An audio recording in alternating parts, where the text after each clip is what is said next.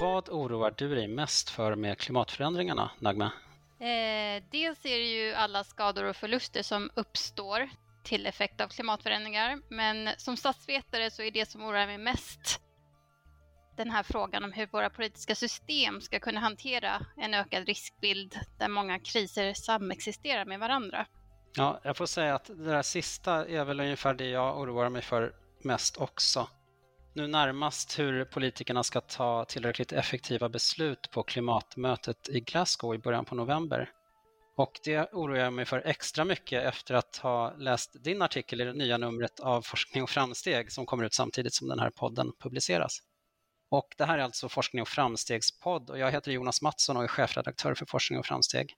Och med mig idag har jag Nagme Nasiri Tosi.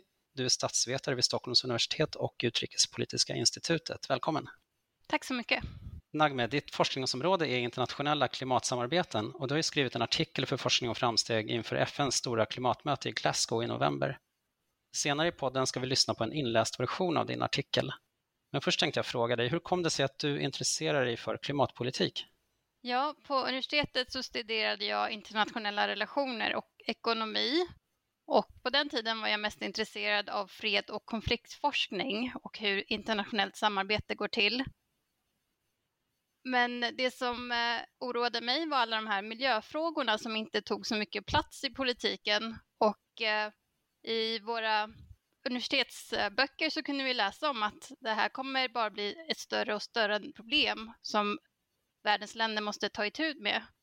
Eh, så jag lämnade krig och konfliktforskningen och intresserade mig mer för klimatfrågan som jag ser som världens största utmaning. Och när är det här i tid ungefär som du upptäckte det här? Eh, jag studerade vid eh, St. Andrews universitet 2001 till 2005 och sen så var jag i London ett år, studerade master 2005 till 2006 och därefter så hamnade jag på en miljöorganisation eh, som jobbar med lokala miljöfrågor. Och då fick jag verkligen upp ögonen för det här med klimatförändringar. Mm. Intressant att klimatfrågan ändå var så pass undanskuffad i så modern tid inom den statsvetenskapliga undervisningen på universiteten.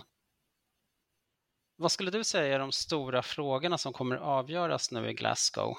Ja, COP26 är ju ett år försenat i och med pandemin eh, och där tar man vid där förra mötet avslutades, nämligen att skriva färdigt Paris regelbok. Och eh, de stora frågorna här är eh, internationellt samarbete och handel med utsläppsrätter. Till exempel hur eh, man ska kunna länka olika system för utsläppshandel mellan länder. Eh, frågor om transparens, vilka länder ska, eh, hur ska reglerna se ut för hur länder bör rapportera sina klimatåtgärder och finansiering. Men också gemensamma tidsramar, alltså vilka regler ska gälla för länders klimatåtaganden hur de ska rapportera de här. För att eh, Parisavtalet är ju byggt så att varje land själv bestämmer sina åtaganden och då är mekanismen för att verifiera att de här reglerna följs väldigt viktiga. Men sen så är det ju två stora frågor som framförallt utvecklingsländer är intresserade av och det är klimatfinansiering eh, och klimatanpassning, alltså ökat internationellt samarbete för att kunna rusta fattiga länder inför klimatförändringarnas effekter. Så överlag så handlar det om eh, att öka ambitionsnivån i klimatarbetet och förhoppningar finns att fler länder ska träda fram med nya klimatlöften. Mm. För ett problem med Parisavtalet, som ju har de här målen på att ligga under två graders uppvärmning och gärna under 1,5 allra helst. Eh, men att det är ganska luddiga mål ändå. Det finns inte så mycket konkretion där. Är det här du ger exempel på nu, är det tillräcklig konkretion av de här målen? Ja, dels handlar det ju om hur länder själva sätter sina klimatmål, men också hur man ska samarbeta med varandra för att kunna uppnå målen. Och då krävs det ju dels klimatfinansiering till länder som nu har en väldigt stor skuldbörda efter eh, pandemin. Men också eh, att tydliggöra vad är det för gaser olika länder räknar in. Alla räknar inte in samma utsläppsgaser. Eh, och också hur, eh, vilka årsperioder. För nu när vi har gjort en studie till exempel där vi tittar på länders långsiktiga klimatmål så ser vi att de rapporterar väldigt olika. Så det finns ingen modell för hur länder ska uppfylla sina klimatmål. Och det har ju varit en svår fråga i förhandlingarna för att länder vill bestämma väldigt mycket själva. Men det försvårar ju samarbete mellan länder då. Ja, stater är ju suveräna. Hur, hur mycket kan FNs eh, klimatmöte lägga på länderna? Eh, det är ju det som länderna själva beslutar om. För att eh, när det kommer till förhandlingarna så krävs det ju bara att ett eller två länder säger nej och då så bryter ju förhandlingarna ihop. Så det är viktigt att alla kommer överens och där behövs ju piska och morot från många eh, starka länder för att hitta en väg framåt. Mm. Hur mycket är det här en fråga mellan rika och fattiga länder? Du talar om finansiering för de, mer, de länder med mindre resurser. Vad finns det för villighet och beredskap i den rika världen att finansiera resten av världens klimatarbete? Ja, det har ju varit eh, den svåra frågan sedan förhandlingarna började för 30 år sedan, att vem är det som ska bekosta klimatomställningen? Och fattiga länder har sagt att det är de rika ländernas utsläpp som genererar klimatförändringar och att de själva behöver fokusera på att dra upp människor ur fattigdom. Så de har inte varit jättemottagliga för budskapet att även de måste bidra till att minska utsläppen. Men i Köpenhamn 2009 så kom man ändå överens om att eh, den rika delen av världen ska bistå fattiga länder med 100 miljarder dollar per år till 2020, från 2020 uppåt framåt.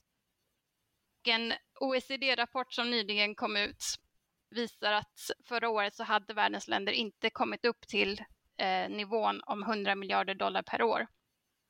Så det kommer vara en stor fråga även i Glasgow.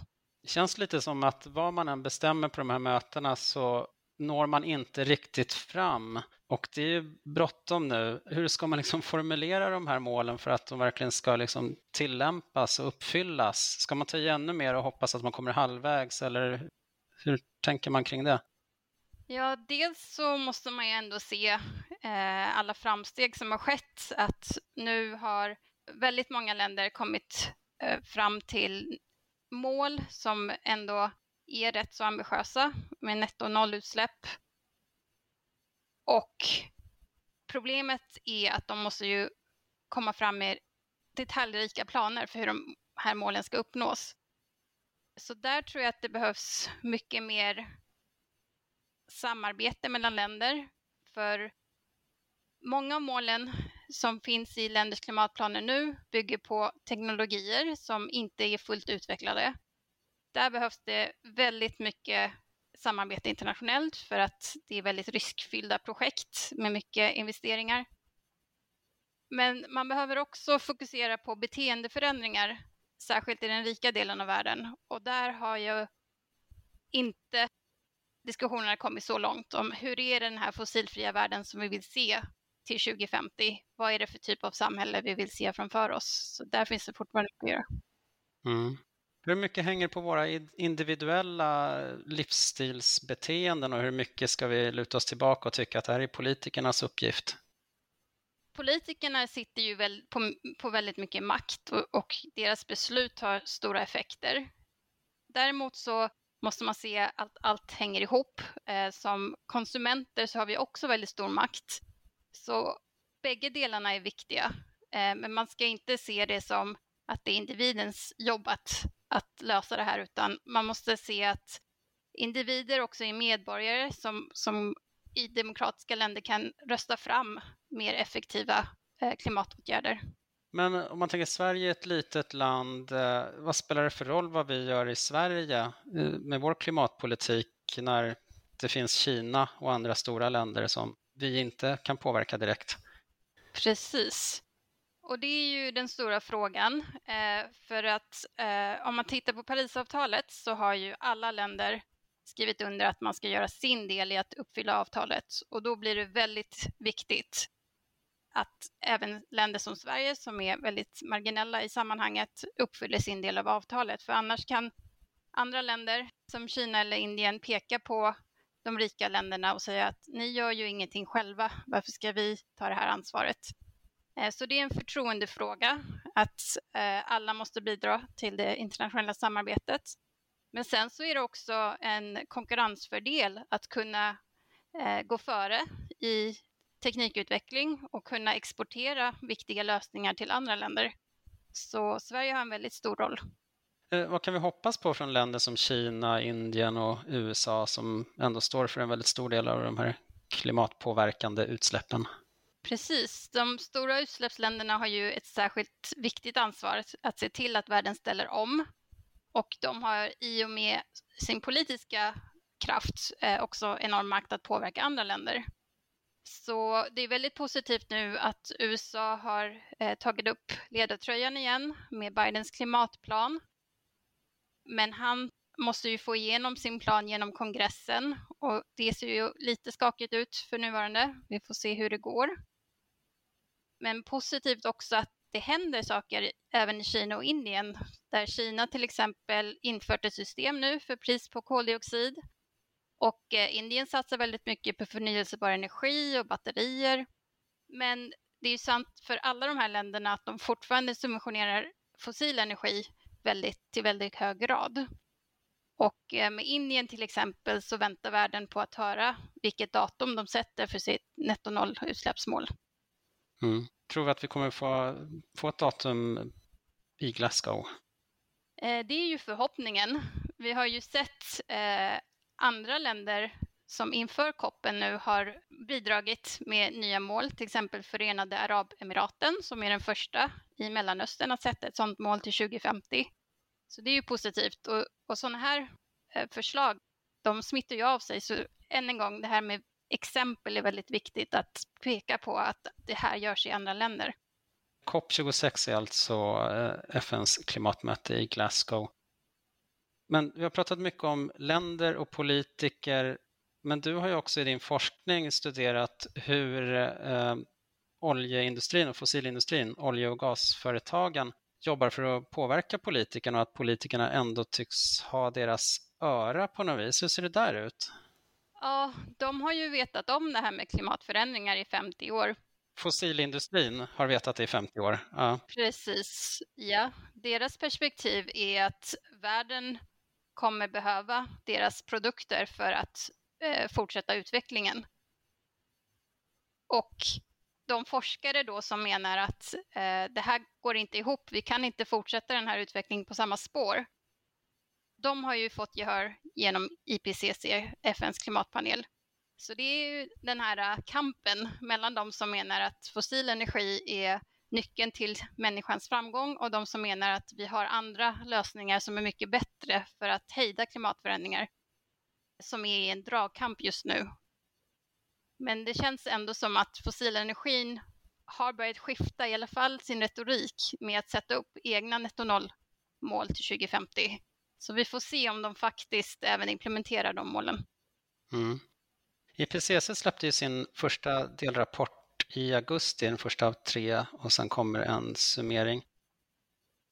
Och I den som kom i augusti så handlar det om den naturvetenskapliga grunden till klimatförändringarna och de kunde visa att vi med större säkerhet än tidigare kan fastslå att det faktiskt är människan som ligger bakom de förändringarna vi ser i klimatet. Och att de extremväder som vi ser allt mer av hänger ihop med människans klimatpåverkan. Vad är det som vi kommer se i de här kommande rapporterna som kommer nästa år, 2022? Mm. Delrapport 2 handlar om konsekvenserna av klimatets förändringar och vad som krävs för att kunna anpassa samhällen till klimateffekter. Medan delrapport 3 handlar om lösningar för att bromsa och på sikt stabilisera klimatet. Och det som har släppts, eller det som har läckt ska jag säga, från delrapport 3 är att man betonar mycket att bakomliggande drivkrafter till ökade utsläpp finns bland befolkningsökning och ekonomisk tillväxt. Och att man då ifrågasätter lite det här tänket att ekonomisk tillväxt ska kunna fortsätta på samma sätt som det har pågått just nu. Och peka på stora omställningar som behövs göras i flera system. Så att eh, det ska bli intressant att se när de har förhandlat klart Summary for Policymakers som då länder också är med och granskar om, om sådana stora paradigmskiften får vara kvar i rapporten eller inte. Ja, tror du att vi är beredda på att uh, minska vår tillväxt? Ja, det är lite svårt att säga för att risken är ju att uh, det blir klimatförändringarna som reducerar tillväxten för att det blir så, så vi inte är resilienta mot dem helt enkelt. Um, så där tror jag att, uh, att politiker måste verkligen ta till sig klimatforskningen och börja diskutera de här frågorna på ett mycket djupare plan. Mm. Att antingen så bromsar vi själva eller så kommer vi tvingas att bromsa tillväxten på grund av konsekvenserna av klimatförändringarna. Är det det du menar? Ja, det är sådana forskningsrapporter som jag har eh, sett att ja. det pekar mot. Och det här med befolkningsökning, att minska den, det, det är en ännu känsligare fråga, eller? Precis. Vi hade en enkät bland delegater på klimatmötena för några år sedan där vi frågade om olika typer av lösningar. Till exempel tuffare regleringar eller mer marknadsmekanismer. Och då var det här med eh, befolkningstillväxt en av de så kallade lösningarna. Men den var väldigt polariserad. Alltså den var antingen älskade man den eller hatade man den och mest var det nog de som inte ville befatta sig med den. Du, hur optimistisk är du inför det här? Vad, vad, hoppas, är du optimistisk inför mötet i Glasgow till, till en början? Det är svårt att vara det faktiskt, särskilt nu när det är en energikris i världen och eh, det blir ju tufft tryck på politiker som ska försöka förklara varför det måste bli dyrare att släppa ut eh, växthusgaser. Men samtidigt så, som jag nämnde så är det ju fler länder som höjer sina klimatåtaganden. Och det finns ett fokus nu på eh, ökade investeringar och förändrade investeringsmönster för att minska utsläppen, vilket jag tror är en av nycklarna. Mm. Eh, vad forskar du om just nu? Vad har du för dokument öppna i datorn? ja, just nu jobbar jag i två projekt. Eh, så en handlar om Sveriges klimatomställning och hur de statliga aktörerna, myndigheter och så, jobbar med icke-statliga aktörer, det vill säga företag, civilsamhälle, eh, kommuner bland annat. Så det, det handlar då om svensk omställning och eh, sen har jag ett internationellt projekt som tittar på länders långsiktiga klimatplaner där vi också tittar på utsikten för negativa utsläpp som då väldigt många länder räknar in och då är det spännande med teknik för koldioxidinfångning och lagring, särskilt om det är tillsammans med biomassa. Men det råder ju väldigt många osäkerheter med sådana lösningar så att vi tittar på hur länderna planerar inför det här. Vad, vad, betyder det konkret, en teknik för lagring av koldioxid i biomassa? Kan du ge ett exempel på det? Ja, exempel i Stockholm så satsar man ju på att eh, värmeverk ska bränna biomassa, eh, att koldioxiden som frigörs eh, ska fångas in och att det sen ska transporteras och lagras i norska oljekällor. Eh, så tanken där är att om man fångar upp koldioxiden från biomassa som redan har samlat in koldioxid från atmosfären, att det ska kunna generera negativa utsläpp. Mm. Spännande. Var kommer man kunna ta del av de här slutsatserna sen när du är färdig? Eh, ja, det, vi eh, försöker ju göra nyhetsklipp på Statsvetenskapliga institutionens hemsida. Mm. Så det, det, skulle jag tipsa om att följa. Ja, och vi kanske kan skriva om det i Forskning och framsteg. Det låter bra det. Ja. Uh, nu tycker jag att vi lyssnar på din artikel som kommer i nya numret av Forskning och framsteg också. Ödesmöte för klimatet, det krävs för att klimatmötet i Glasgow ska lyckas, som även finns att läsa i Forskning och framsteg nummer 9 2021. Och du som vill prenumerera på Forskning och framsteg, du kan alltid gå in på fof.se podderbjudande. Tack så mycket Nagme. Här kommer din artikel inläst av Per Lagergren. Tack. Ödesmöte för klimatet. Det krävs för att klimatmötet i Glasgow ska lyckas. Klimatpolitikforskaren Nagme Nasiritusi förklarar vad som står på spel vid klimatmötet i Glasgow. 2021 blev året då FNs generalsekreterare Antonio Guterres utfärdade en kod röd för mänskligheten. Uttalandet kom efter FNs klimatpanel IPCCs rapport i augusti om vad naturvetenskapen säger om klimatförändringarna. Rapporten bekräftar och förstärker tidigare rön om hur människan bidrar till ett förändrat klimat. Huvudbudskapet är att mänsklig påverkan har värmt upp planeten och att förändringar i extremer som värmeböljor och skyfall tydligare har visat sig ha ett samband med människans klimatpåverkan. Men rapporten understryker också att den globala uppvärmningen kan hejdas. Budskapet är välkänt. Vi måste snabbt minska vårt beroende av aktiviteter som bidrar till den globala uppvärmningen, framförallt utvinning av fossil energi och avskogning. Trots att vi vetat om det här länge så är världens samlade insats för att minska utsläppen tydligt undermålig. Varför har vi inte lyckats bättre, trots över 30 år av klimatförhandlingar och otaliga forskningsrapporter? I en ny studie, ledd av Isaac Stoddard vid Uppsala universitet och Kevin Anderson vid Uppsala universitet och University of Manchester, pekar jag och andra forskare på hur rådande maktstrukturer skapar inlåsningseffekter och står i vägen för den omfattande klimatomställning som behövs. I tidigare forskning har jag visat på hur de förslag som läggs av politikerna för en skärpt klimatpolitik ofta motarbetas av bland annat olje och gasbolag som Exxon, BP och Saudi Aramco. För att styra världsekonomin från fossilberoende behöver nuvarande maktstrukturer enligt oss luckras upp till fördel för de röster som hittills varit marginaliserade. Exempelvis resurssvaga önationer, ursprungsfolk och ungdomar. Om man tar en rättvis klimatomställning på allvar blir det tydligt att klimatfrågan måste ses som en samhällsfråga och inte bara en miljöfråga. Allt fler forskare och tankesmedjor från framförallt Europa och USA kräver nu ett omtag i det internationella klimatsamarbetet. FNs klimatkonvention har under mer än 30 år samlat världens länder. Men eftersom alla måste komma överens har klimatförhandlingarna inte kunnat få till avtal som verkligen förbinder länder att snabbt minska sina utsläpp.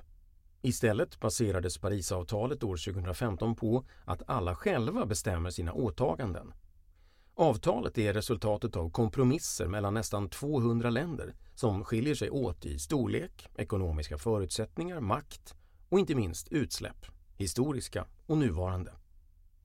Men för att klara Parisavtalets temperaturmål om att begränsa uppvärmningen till väl under 2 grader behöver alla, framförallt de rikaste länderna och de med störst utsläpp av växthusgaser, avsevärt öka sina ambitioner.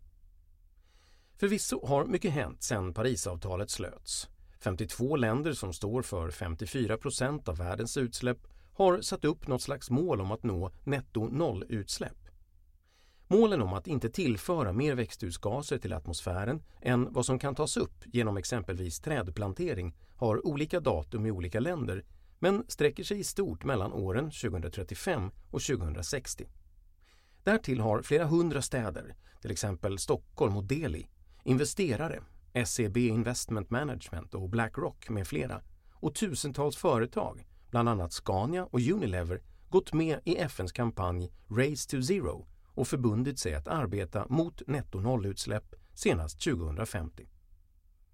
Sådana mål är nödvändiga eftersom varje bråkdel av en grads uppvärmning leder till farligare och mer kostsamma effekter.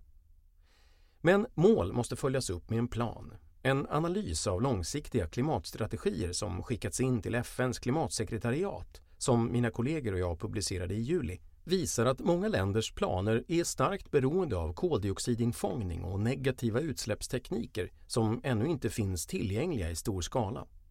Världens länder har alltså ännu inte satt tillräckligt ambitiösa mål och de mål som finns saknar verktyg för att kunna uppfyllas. Vad krävs då? Enligt Internationella energirådet, IEA, är vad som krävs för att klara Parisavtalet inget mindre än en radikal transformation av världens energisystem samt beteendeförändringar, särskilt i rika länder. Men det är lättare sagt än gjort. Många ekonomer, men även allt fler företag, menar att det som behövs är att världens länder prissätter koldioxid. En global koldioxidskatt har förordats länge. Men enligt Världsbanken är endast cirka 20 procent av världens utsläpp under någon sorts koldioxidprissättning. Även om Kina nyligen lanserade ett prissättningssystem är deras pris på koldioxid, likt majoriteten av existerande system, för lågt för att ge nödvändig effekt. Utmaningen är därför inte bara att sätta ett pris utan även att förhandla fram ett så högt pris att det bidrar till en snabb omställning i en värld där länder har väldigt olika utgångslägen. En global koldioxidskatt är därför klimatpolitikens heliga graal. Det talas mycket om den, men den är alltså svår att uppnå i praktiken. Den amerikanska nationalekonomen William Nordhaus, som tilldelades Sveriges riksbankspris i ekonomisk vetenskap till Alfred Nobels minne 2018, har istället förespråkat en klimatklubb. Ambitiösa länder som vill accelerera klimatarbetet skapar en klubb och använder sanktioner mot icke-medlemmar för att få fler att gå med i klubben. Förslaget låter enkelt, men det dras med flera problem, vilket jag och mina kollegor visar i en studie publicerad i augusti. Det är inte tydligt vilka länder som skulle kunna leda en sån klimatklubb. Det är också osäkert hur klubbens sanktioner skulle bemötas av stora länder som skulle kunna vara motvilligt inställda. En sån klubb skulle också riskera att underminera FNs klimatkonventions princip om gemensamt men differentierat ansvar. Det differentierade ansvaret innebär att rika länder bör ta ett större ansvar baserat på historiska utsläpp och nuvarande förutsättningar för att ställa om sina ekonomier. En klimatklubb skulle alltså kräva stora diplomatiska muskler för att bli politisk verklighet. Ett möjligt steg i den riktningen är dock EUs stora klimatpaket som lanserades i somras. Fit for 55 syftar till att ge de verktyg som behövs för att uppnå målen i EUs klimatlag.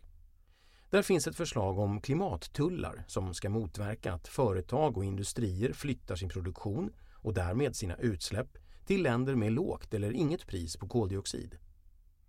För att EUs företag ska kunna upprätthålla sin konkurrenskraft när EUs klimatarbete går in i en ny fas är tanken att import av varor till EU beläggs med en tullavgift som motsvarar deras koldioxidinnehåll. Idén liknar alltså klimatklubbsidén med sanktioner för länder som har mindre ambitiösa klimatmål och ett lägre koldioxidpris än EU, då importerade varor i princip bör ha samma kostnad för koldioxidutsläpp som inhemska producenter.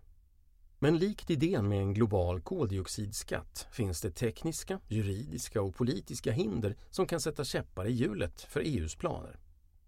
Vissa av dessa hinder tas upp i en utredning från Svenska Kommerskollegium från 2019 Exempelvis måste klimattullarna vara förenliga med Världshandelsorganisationens regler och de måste utformas på ett sätt som inte uppfattas som protektionistiskt av EUs handelspartner. Dessutom måste den fria tilldelningen av utsläppsrätter inom EU fasas ut. Detta innebär att EUs kommande förhandlingar om klimattullar måste blidka både inhemska intressen och viktiga handelspartner på ett sätt som samtidigt inte underminerar tullarnas effektivitet. I bästa fall lyckas EU utforma dem på ett sätt som innebär att inhemska företag snabbt ställer om sin produktion till koldioxidsnålare alternativ samtidigt som länder utanför EU anpassar sig till EUs regler och sänker sina utsläpp. I värsta fall leder förslaget till svåra konflikter både inom och utanför EU med följd att det internationella klimatsamarbetet undermineras. En första fingervisning om hur EUs nya förslag tas emot kommer vi kunna se vid årets klimatkonferens i Glasgow i november. Konferensen, COP26, skulle egentligen ha ägt rum förra året men fick skjutas upp på grund av coronapandemin. Förhoppningen är att konferensen kan lösa de sista knutarna i Parisavtalets regelbok. Dessa knutar gäller bland annat vilka regler som ska gälla för att göra det möjligt att utvärdera varje lands klimatarbete samt regler för internationell handel med utsläppsrätter. EU och Sverige vill se ett gemensamt regelverk för alla parter medan vissa utvecklingsländer menar att rapporteringsramverket inte får bli för betungande för länder med små resurser och vill ha större flexibilitet kring vad som ska rapporteras in.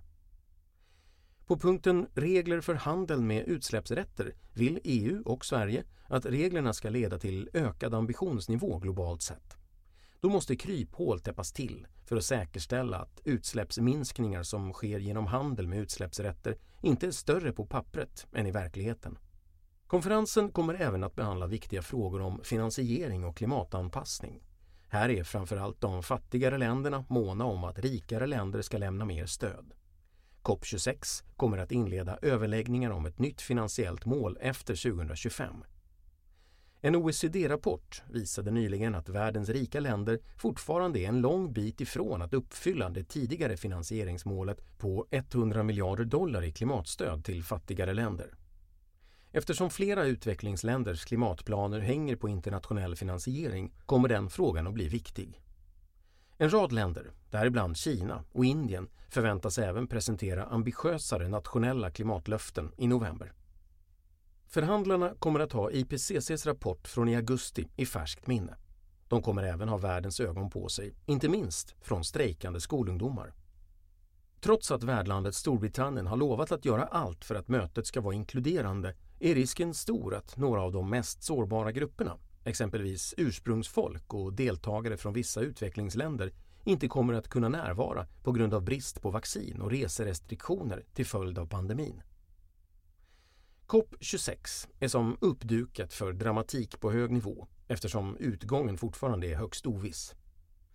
Förutom förhandlingarna i Glasgow är det viktigt att komma ihåg att andra internationella processer är igång för att öka takten i klimatomställningen.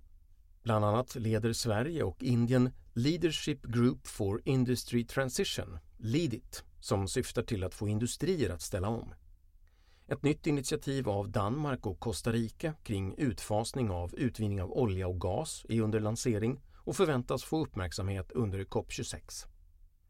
I och med president Joe Bidens tillträde är USA med i klimatförhandlingsmatchen igen efter att president Trump tidigare dragit ut USA ur Parisavtalet.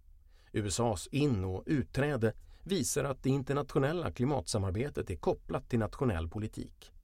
Att Biden har utsett John Kerry till USAs klimatsändebud ger nytt hopp om ökat internationellt klimatsamarbete.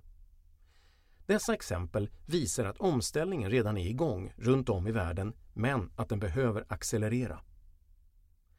Parisavtalet har satt ett golv för det som behöver göras för att nå de mål som länder gemensamt kom överens om 2015. Nu gäller det att öka takten och bygga vidare på det momentum som är igång för att implementera avtalet. Det kommer att kräva modigt ledarskap, diplomati och obekväma beslut. Utmaningen består i att minska klimatutsläppen, anpassa oss till de klimatförändringar som inte kan undvikas och samtidigt lägga en god grund för att nå FNs övriga hållbarhetsmål. Det finns således inga enkla universallösningar på klimatproblemet utan länder måste arbeta både på hemmaplan och tillsammans för att systematiskt ändra de regler och normer som ökar utsläppen på planetens bekostnad. Förändring kommer att ske. Frågan är om vi gemensamt kan styra in förändringen i en riktning som är önskvärd. Enligt IPCCs senaste rapport så har vi fortfarande ett val. Vi får se i Glasgow om det budskapet har nått fram till världens makthavare. Detta är COP26. COP26 är FNs klimatmöte som äger rum 31 oktober till 12 november 2021 i Glasgow, Storbritannien. Årets klimatförhandlingar ska försöka nå överenskommelser i frågor där länder var oense i COP25 i Madrid år 2019. Statschefer från över 100 länder väntas delta. Parallellt med de officiella förhandlingarna pågår sidoevenemang och kampanjer där både stater och icke-statliga aktörer, exempelvis civilsamhället, företag, kommuner, kan delta och visa upp initiativ som syftar till att snabba på klimatomställningen. Värdlandet har betonat att man vill fokusera på en grön återstart för världen efter covid-19, accelerera utfasning av kol, öka investeringar i förnyelsebar energi samt skydda och återställa ekosystem. Här är de fem viktigaste förhandlingsfrågorna. Handel med utsläppsrätter, regler för hur internationellt samarbete genom exempelvis utsläppshandel ska fungera. Transparens, regler för hur länder bör rapportera in sina klimatåtgärder och finansiering. Gemensamma tidsramar, regler för vilka tidsramar som bör gälla för länders klimatåtaganden. Klimatfinansiering, mer stöd för utvecklingsländer. Klimatanpassning, ökat internationellt samarbete för att rusta länder inför klimatförändringarnas effekter. Du har lyssnat på ett samtal och en artikel från Forskning och framsteg. För att prenumerera på Forskning och framsteg, gå in på fof.se podderbjudande. Rösten i artikeln är Per Lagergrens. Medverkade i samtalet gjorde statsvetaren Nagme Nasiritusi. För klippning, ljudteknik och vignett står Per Dahlhjelm. Jag heter Jonas Mattsson och är chefredaktör för Forskning och framsteg. Tack för att du lyssnade.